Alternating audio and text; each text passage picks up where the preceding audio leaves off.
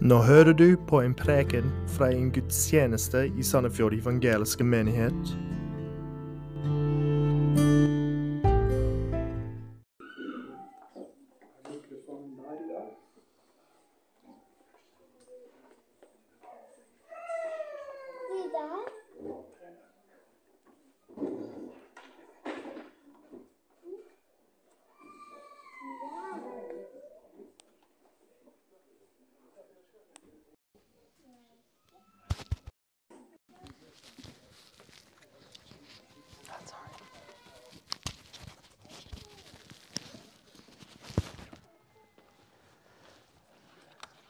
Takk. Nå tror jeg at eh, de tekniske er eh, litt i orden.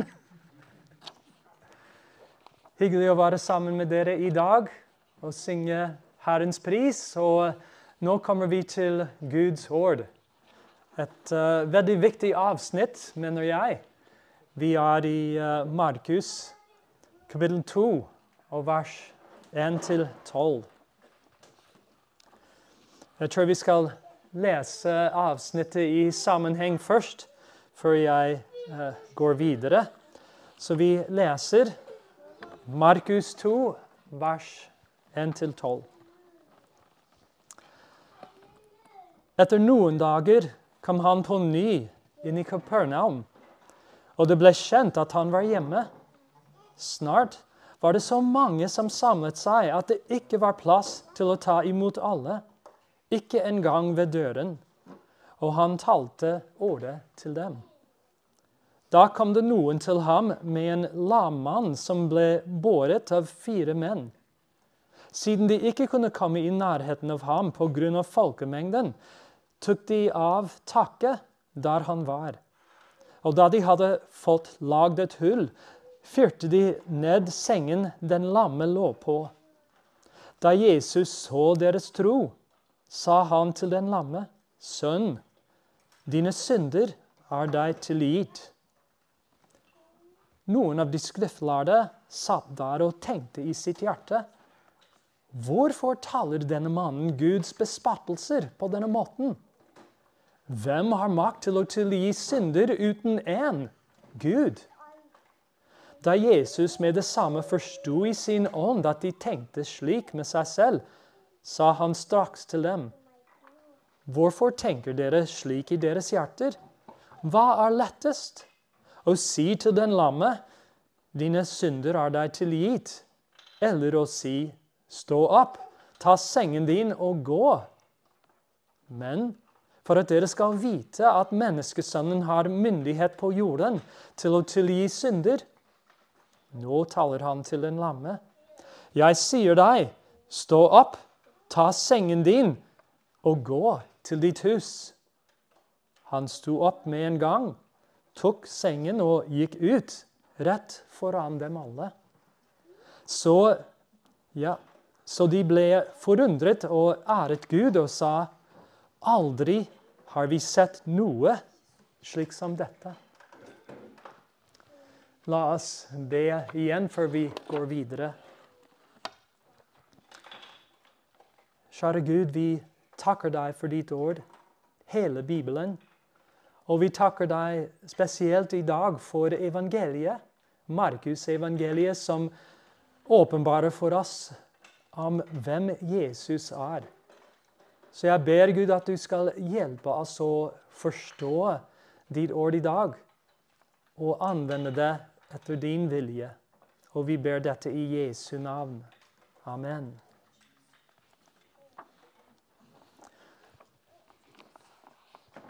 Det som jeg tror er kanskje viktigst med dette avsnittet vi har lest i dag, er å se at tilgivelse vår, er vårt største behov. Tilgivelse for våre synder, det er vårt største behov. Vi ser i vers 1 og 2 at Jesus taler ordet til folkemengden. Og jeg vil minne dere at i forrige avsnitt hørte vi om en forandring i Jesu virksomhet. Den spedalske som ble renset, som vi hørte om uh, forrige gang, han spredte rykter om Jesus. Og Jesus kunne ikke lenger gå åpenlyst inn i byen. Han måtte holde seg ute på ødesteder, og, og folket kom til ham. Men i Markus 2 uh, i Markus 2 kommer Jesus hjem til Kapernaum, og det blir kjent at han er hjemme. Kanskje vi eh, har det litt vanskelig å, å tenke hvordan det, det, var. Men et hus på den tiden var ikke, ikke så veldig stort. Eh, det var kanskje plass i et vanlig hus på den tiden til 50 eh, personer tett pakket inne i huset. Og Markus nevner at det ikke var plass til å ta imot alle. Mange er samlet utenfor døren. Og folkemengden som samles, har sikkert mange behov. De hadde hørt rykter om Jesus, hans kraft til å helbrede mennesker. Og de kommer til Jesus for å få hjelp med deres fysiske behov. Og jeg mener at folk er akkurat det samme i dag. De pleier å søke Gud når de har et uh, problem. Og ofte er det et veldig stort problem når de søker Gud.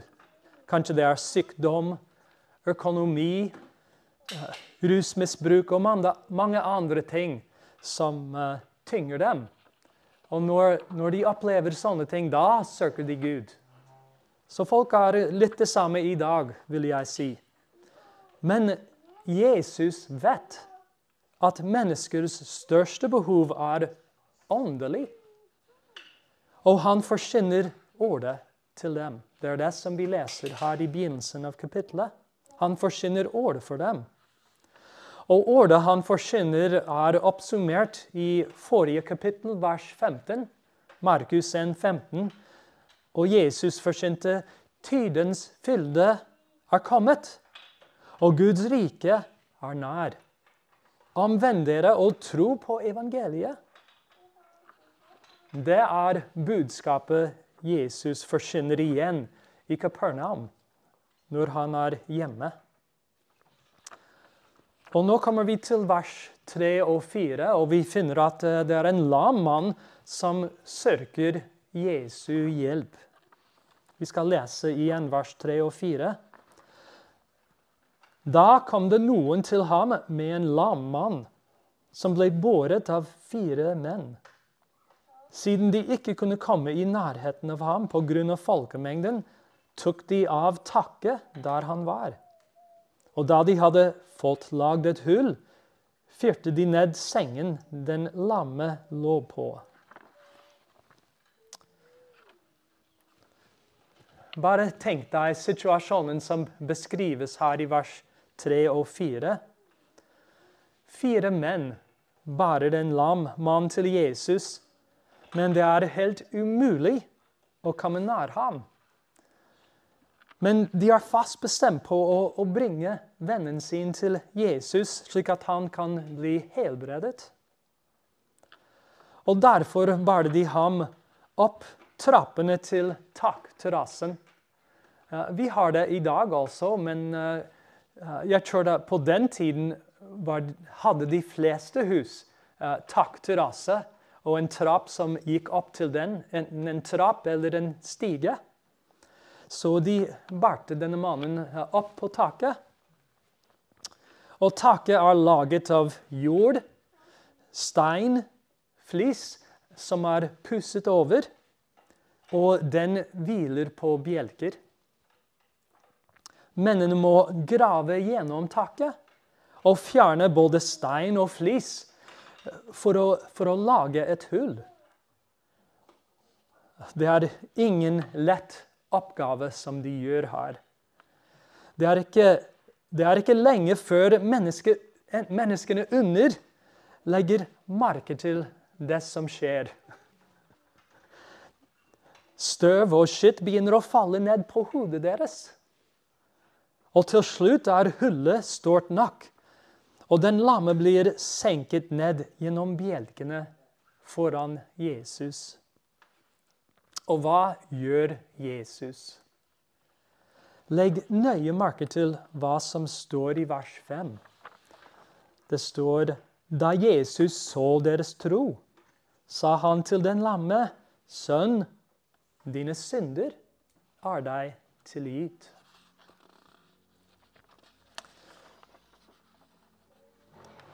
Jesus møter den lammes største behov. Det første vi legger merke til, er at Jesus ser deres tro. Han ser deres tro. Mennene som kommer til Jesus, tror ikke bare i sitt hjerte at Jesus kan hjelpe dem, men deres gjerninger viser at deres tro er ekte. Troen deres er aktiv. Det er synlig. Det står i Hebreerne kapittel 11 uten tro er det umulig å være til behag for Gud. For den som kommer til Gud, må tro at han er til, og at han er en belønner av dem som søker ham med iver. Når noen har tro på Gud, påvirker det livet deres. Jesus ser troen til disse mennene som kommer til ham med sin lamme venn. Og det Jesus sier til den lamme i vers 5, er oppsiktsvekkende og til og med sjakkerende. Kanskje ikke for oss i dag, fordi vi har hørt det så mange ganger at Jesus døde for våre synder. Og at uh, for oss er det ganske kjent at, at, Jesus er frelseren. Men bare tenk om folk som, som bare så Jesus som en mann som alle andre menn.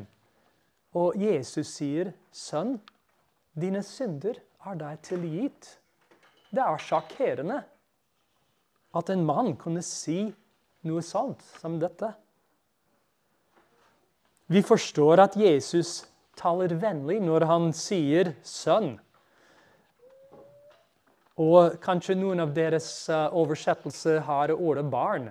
Han sa 'barn, dine synder er deg tilgitt'. Så han, han taler vennlig til denne mannen. Jesus er barmhjertig, og, vel, og, og han viser med lidenhet med mannen. Og det har vi sett tidligere med Jesus.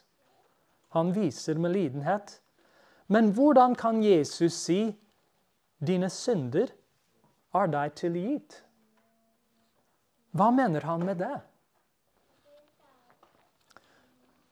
Ordet 'synd' er litt viktig å forstå selv i dag. Fordi jeg tror at de fleste tenker at det er veldig få ting som egentlig er synd. Men ordet synd betyr å bomme i forhold til Guds standard. Og å bare skyld på grunn av det. Adam og Eva ble drevet ut av Edens hage på grunn av deres synd. De ble, de ble skapt for å ha fellesskap med Gud, men deres synd skilte dem fra ham.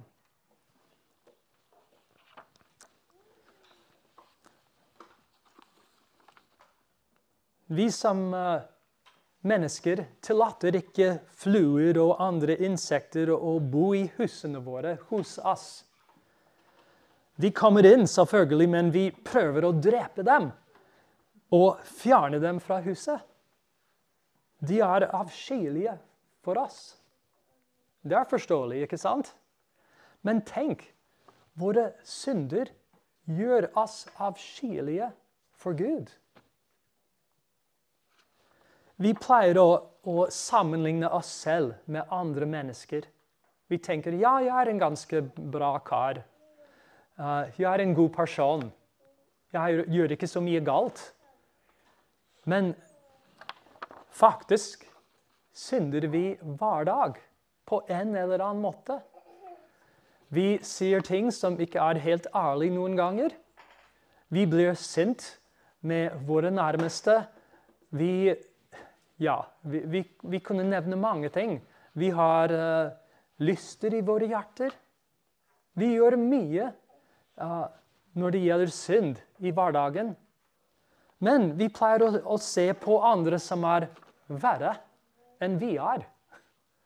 Og det er det som vi tenker om synd. Men synd er det som er først og fremst mot Gud. Og vi bommer i forhold til hvem han er. Hans hellige standard.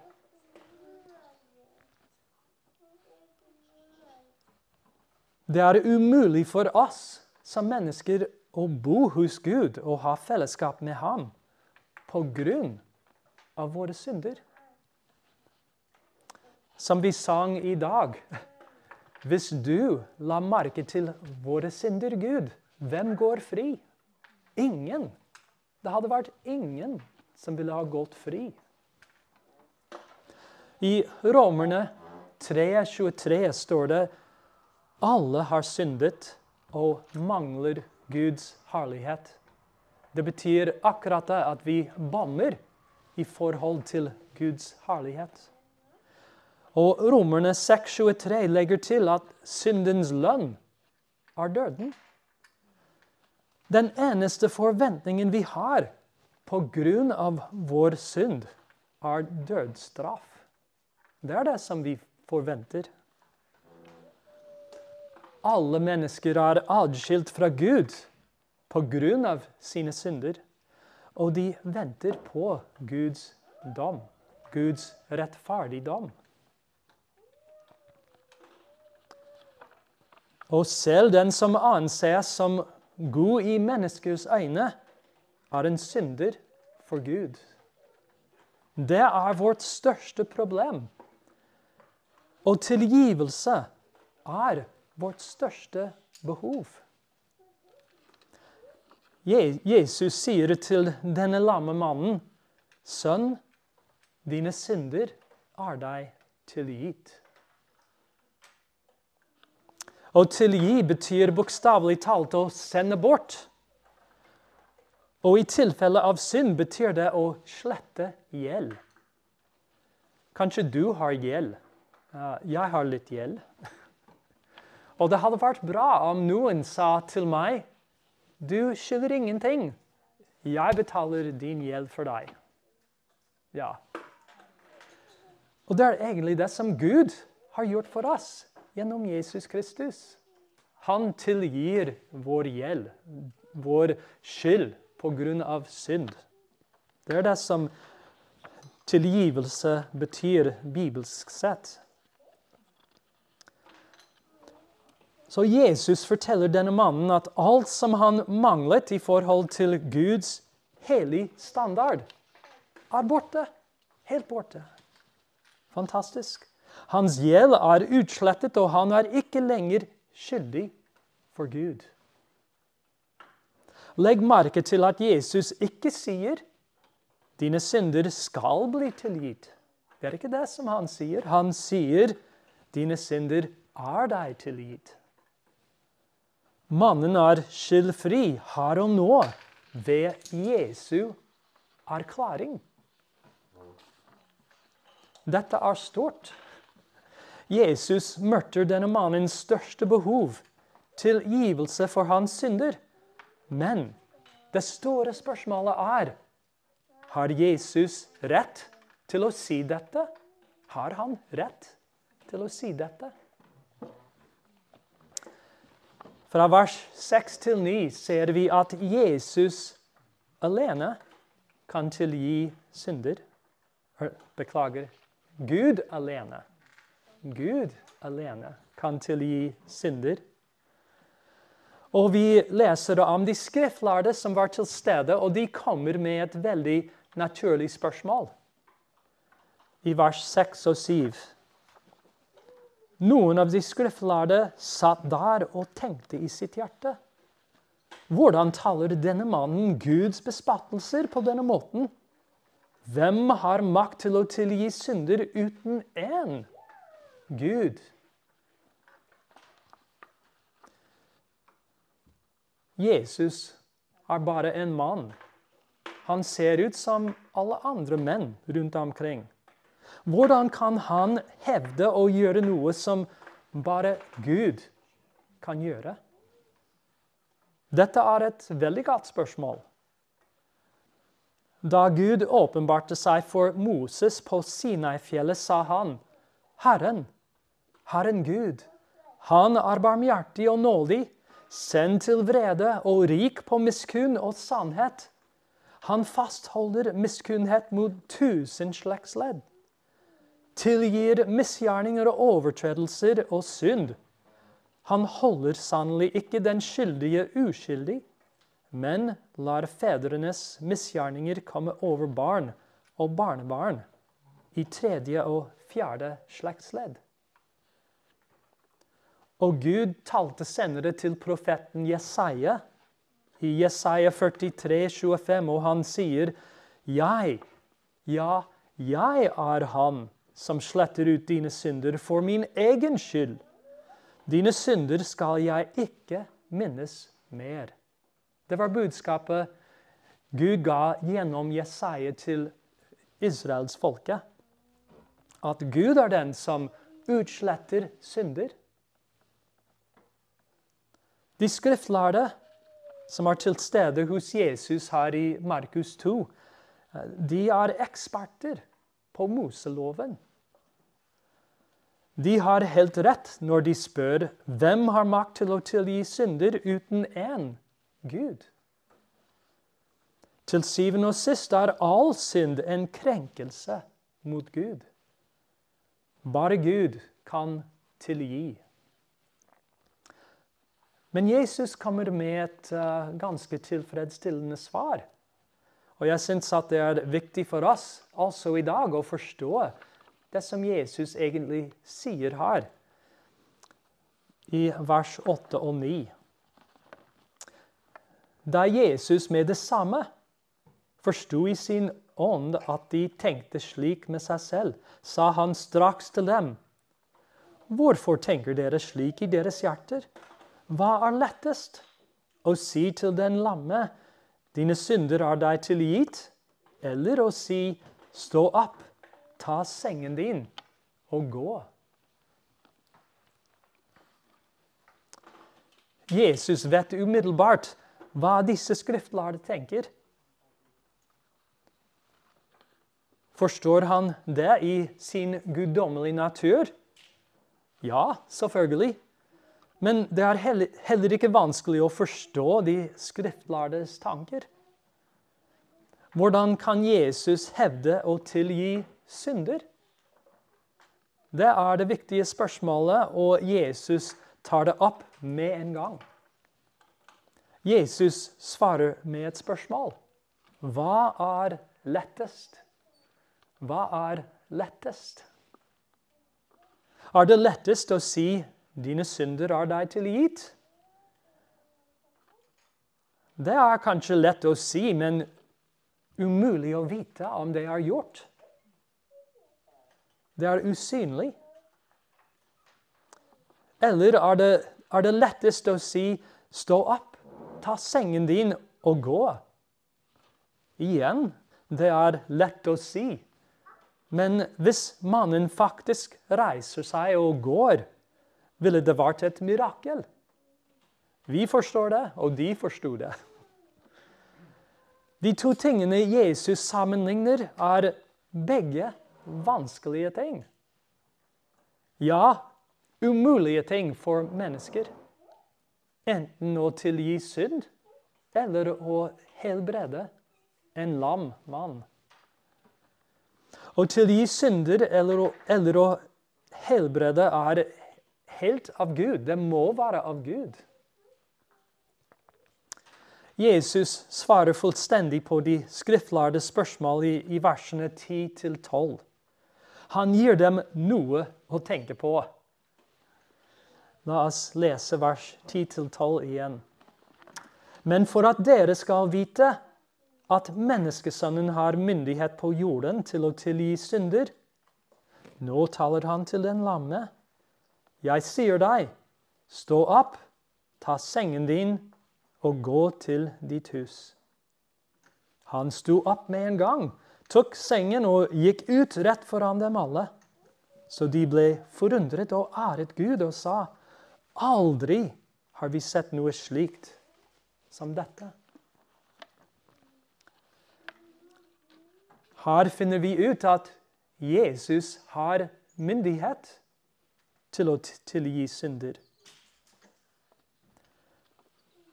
Og Jesus sier om seg selv Han bruker navnet menneskesønnen her i vers 10. Jesus er menneskesønnen. Og dette er første gang i Markus evangeliet at Jesus kaller seg menneskesønnen. Det er den betegnelsen Jesus brukte mest om seg selv i alle evangeliene. Han kalte seg selv for menneskesønnen. Og kanskje det betyr ikke så mye for oss i dag, men uh, for jødene på den tiden var det en uh, ganske spesielt navn. Og jeg tror det er viktig for oss å forstå det som Jesus mener når han uh, bruker det. Navnet Menneskesønnen har røtter i Det gamle testamentet. Og det er viktig for oss å forstå akkurat hva Jesus sier. Så hvis dere kan slå opp med meg i Daniels bok, kapittel 7 Daniels bok, kapittel 7, for her leser vi om menneskesønnen i Det gamle testamentet.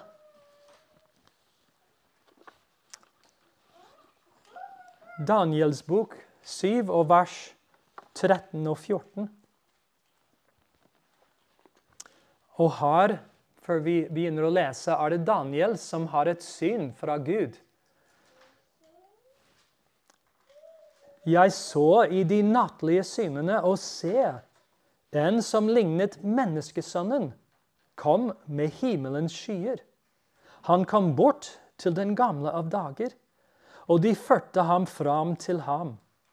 Så ble det gitt ham herredømme og ære og rike så alle folk og folkestammer med alle tungemål skulle tjene ham. Hans herredømme er et evig herredømme som ikke forgår. Og hans rike er det som ikke skal ødelegges. Menneskesønnen er en ganske spesiell person i Det gamle testamentet.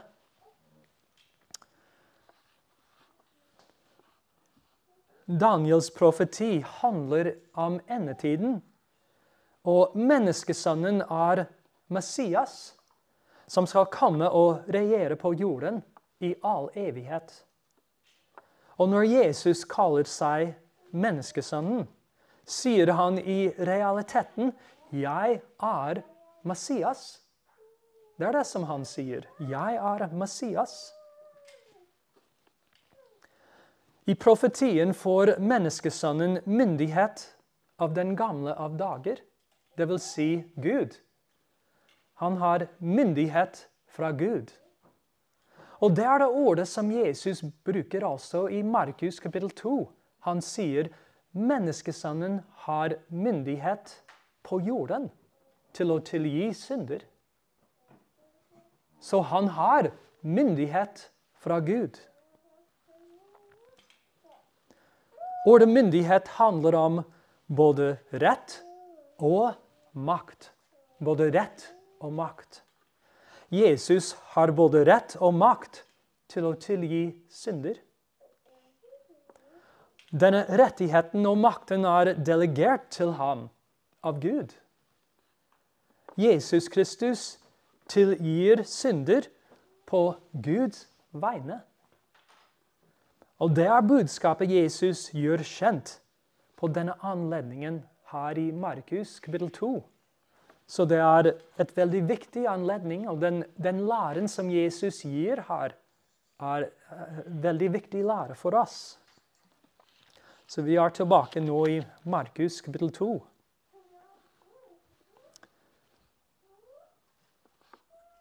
Jesu påstand er ikke bare tomme ord.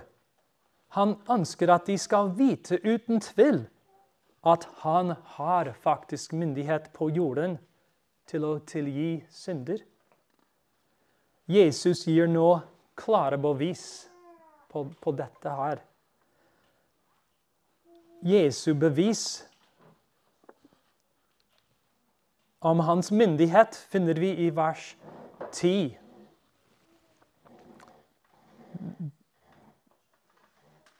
Det står her i vers 10 Nå taler han til den lamme. Jeg sier deg, stå opp, ta sengen din og gå til ditt hus. Han sto opp med en gang, tok sengen og gikk ut, rett foran dem alle. Så de ble forundret og æret Gud og sa, aldri har vi sett noe slikt som dette. Legg merke til Jesus' befaling her. Den har tre deler. Han sier Stå opp. Nummer én. Ta sengen din. Nummer to. Og gå til ditt hus. Nummer tre. Å stå opp er umulig for en lam mann uten et mirakel. Å ta sengen innebærer vanlig styrke som mannen ikke har. Å gå til sitt hus krever en fullstendig forvandling, siden mannen måtte bare sitt. Alt som Jesus befaler, er fysisk umulig for denne mannen. Men husk at det er Jesus som befaler. Og det er, det er forskjellen. Jesus er den som befaler. Og den lamme adlyder, og han gjør det med en gang. Han står opp umiddelbart. Han tar sengen sin. Han trenger ikke hjelp til å gå, men viser vanlig styrke og balanse ved å bære sengen. Og til slutt går mannen ut, rett foran dem alle. Hans helbredelse er øyeblikkelig og fullstendig. Men enda viktigere er Jesu uttalelse som henger fortsatt i luften. Menneskesønnen har myndighet på jorden til å tilgi synder. Dette fantastiske budskapet eh, bekreftes av Jesu mirakel. Jesu befaler mannen ikke bare å gå, men å gå hjem til sitt hus. Det er ikke selve helbredelsen Jesus vil fremheve, men syndens forlatelse. Menneskets største behov.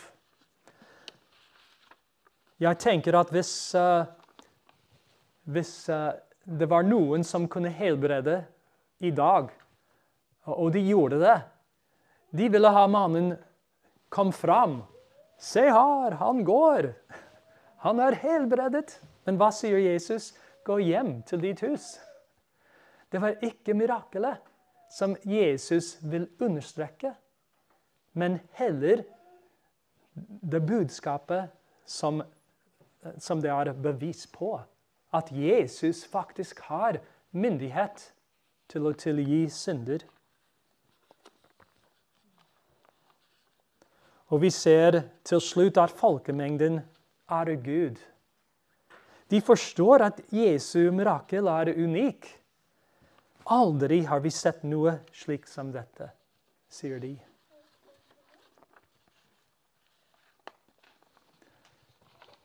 Så hvordan kan vi anvende dette skriftstedet i, i dag? For det første må jeg spørre dere jeg må spørre dere, Har Jesus Kristus tilgitt dine synder? Det står i Skriften at Jesus kom ikke for å kalle rettferdige, men syndere til omvendelse. Mange folk i dag forstår ikke at de er syndere. Og de, de tenker at uh, jeg, jeg er en god nok menneske. Jeg kommer sikkert til himmelen når jeg dør. Men det er ikke sannheten. Vi alle trenger omvendelse Og vi må komme til Jesus uh, som disse mennene gjorde, i tro. Jesus Kristus er den eneste som kan hjelpe deg. Gud har gitt ham myndighet på jorden til å tilgi dine synder. Du kan komme til ham i dag. Det er budskapet som er viktig for oss i dag. Jesus er barmhjertig og nådig. Han elsker deg og ga sitt liv for deg. Han tilbyr tilgivelse til alle som kommer til ham, i omvendelse og tro. Det andre spørsmålet jeg har til deg i dag, eh, fordi jeg vet at kanskje dere som sitter her i dag, har kommet til Jesus Kristus. Dere har trodd på hans død på korset og oppstandelse. Og du har dine synder tilgitt allerede. Men setter du pris på at dine synder er tilgitt? Har du, vært, har du vært for det første lydig til Gud når det gjelder dåp? Fordi det er det første man eh, er kalt til å gjøre. Disse mennene i historien vi leste om i dag, de gjorde noe som viste at deres tro var ekte. Og hva er det første Gud eh, ber oss å gjøre når vi har kommet til tro? Det er å, å la seg døpe i Faderens, Sønnens og Den hellige ånds navn. Det er det som uh, er tegnet på at uh, det har vært en omvendelse og tro. Så har du vært uh, lydig mot Gud når det gjelder dåp. Og ikke bare det, men uh, dåp er et bilde av noe. Når vi går under vannet, er vi dør med Kristus til vårt gamle liv. Og vi er oppstått med ham til et nytt liv. Uh, et liv i vandring med ham. Hvor vi blir mer lik Jesus dag for dag. Det er det som dåpen avbilder. Men er den din realitet i hverdagen? Vokser du i din tro?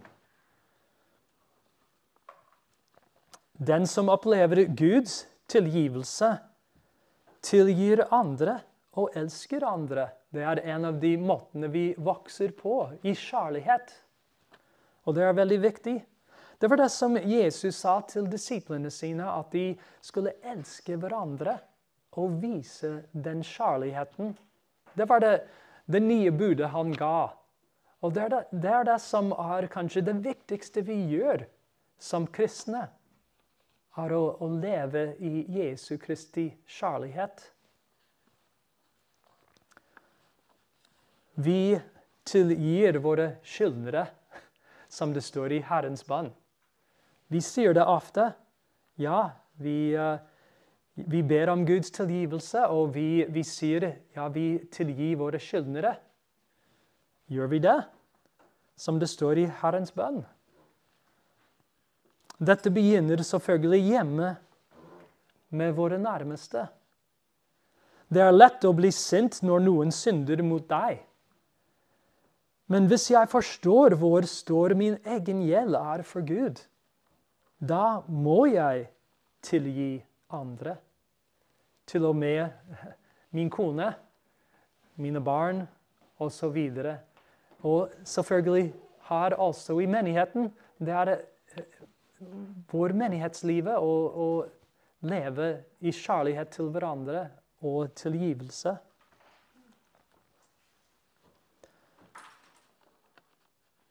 Du og jeg kan uh, slutte med å, å være dommere for våre nærmeste. Og istedenfor vi kan bli deres advokater for Herren. Vi kan be for uh, våre, våre, familiemedlemmer og, og være deres advokater for Gud, og ikke deres dommere.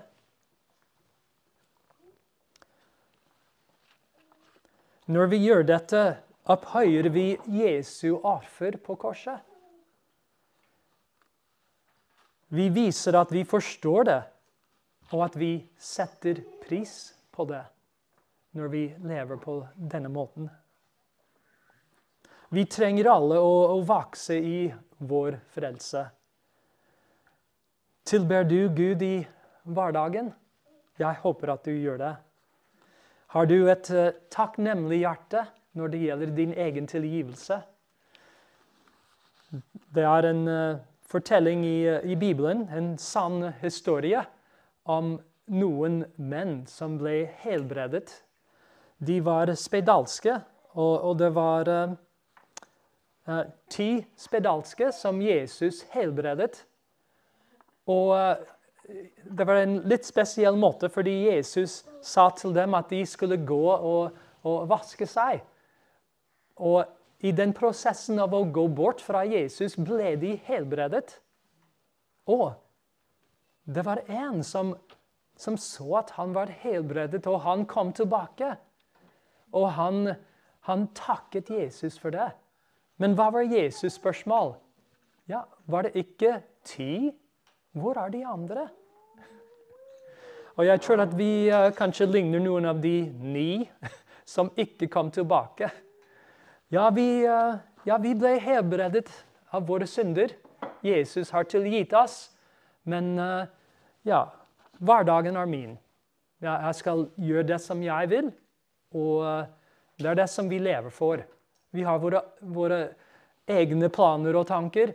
Vi har ikke kommet tilbake til Jesus med våre liv og eh, gitt ham den takksigelse som han egentlig, som han egentlig fortjener.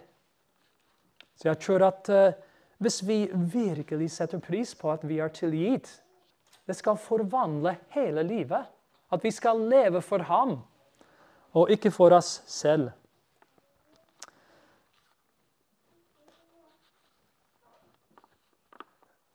Et annet spørsmål som, kan, uh, som, kommer til meg, er har du fellesskap med Gud?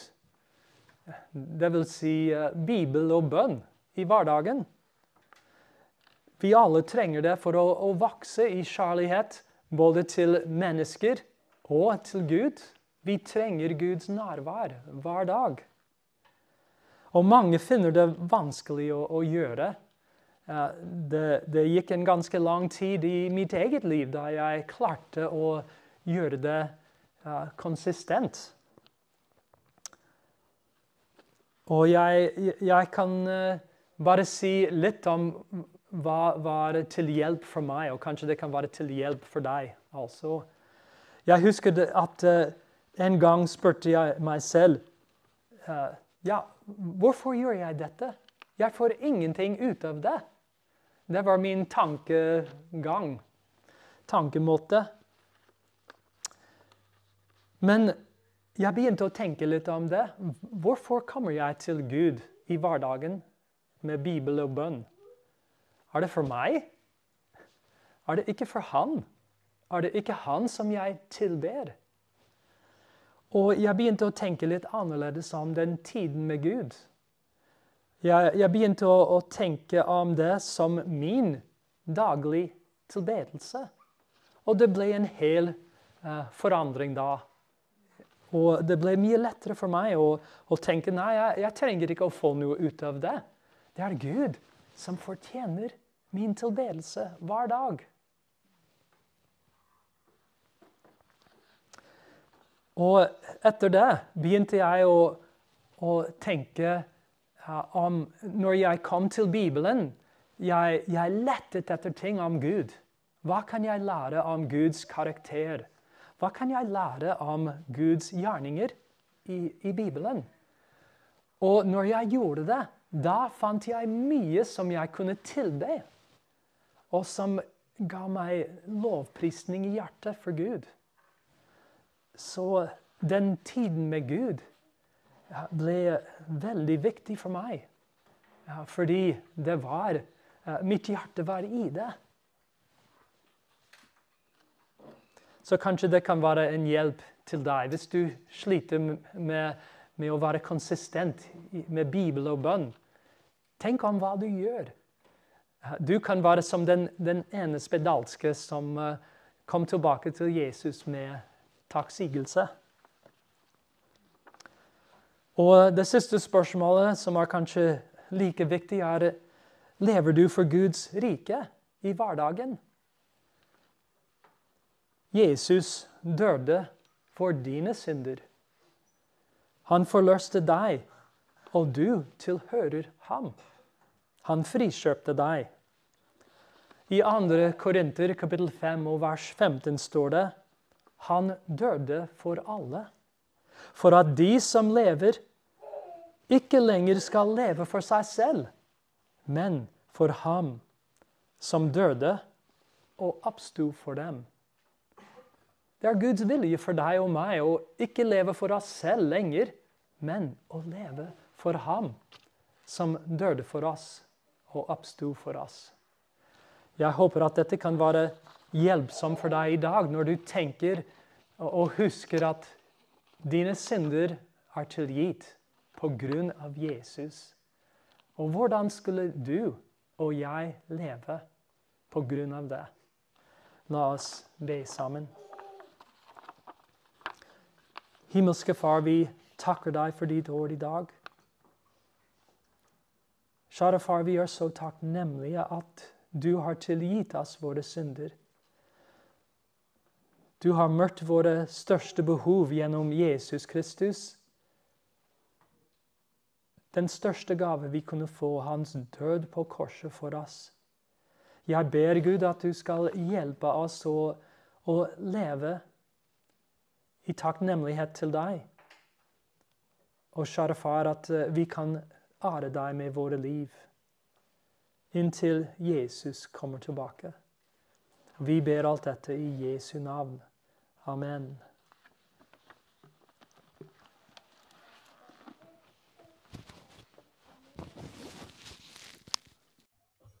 Takk for at du hørte på denne prekenen. Ønsker du mer informasjon, besøk sandefjordevangeliske.no eller vår Facebook-side Sandefjord evangeliske menighet.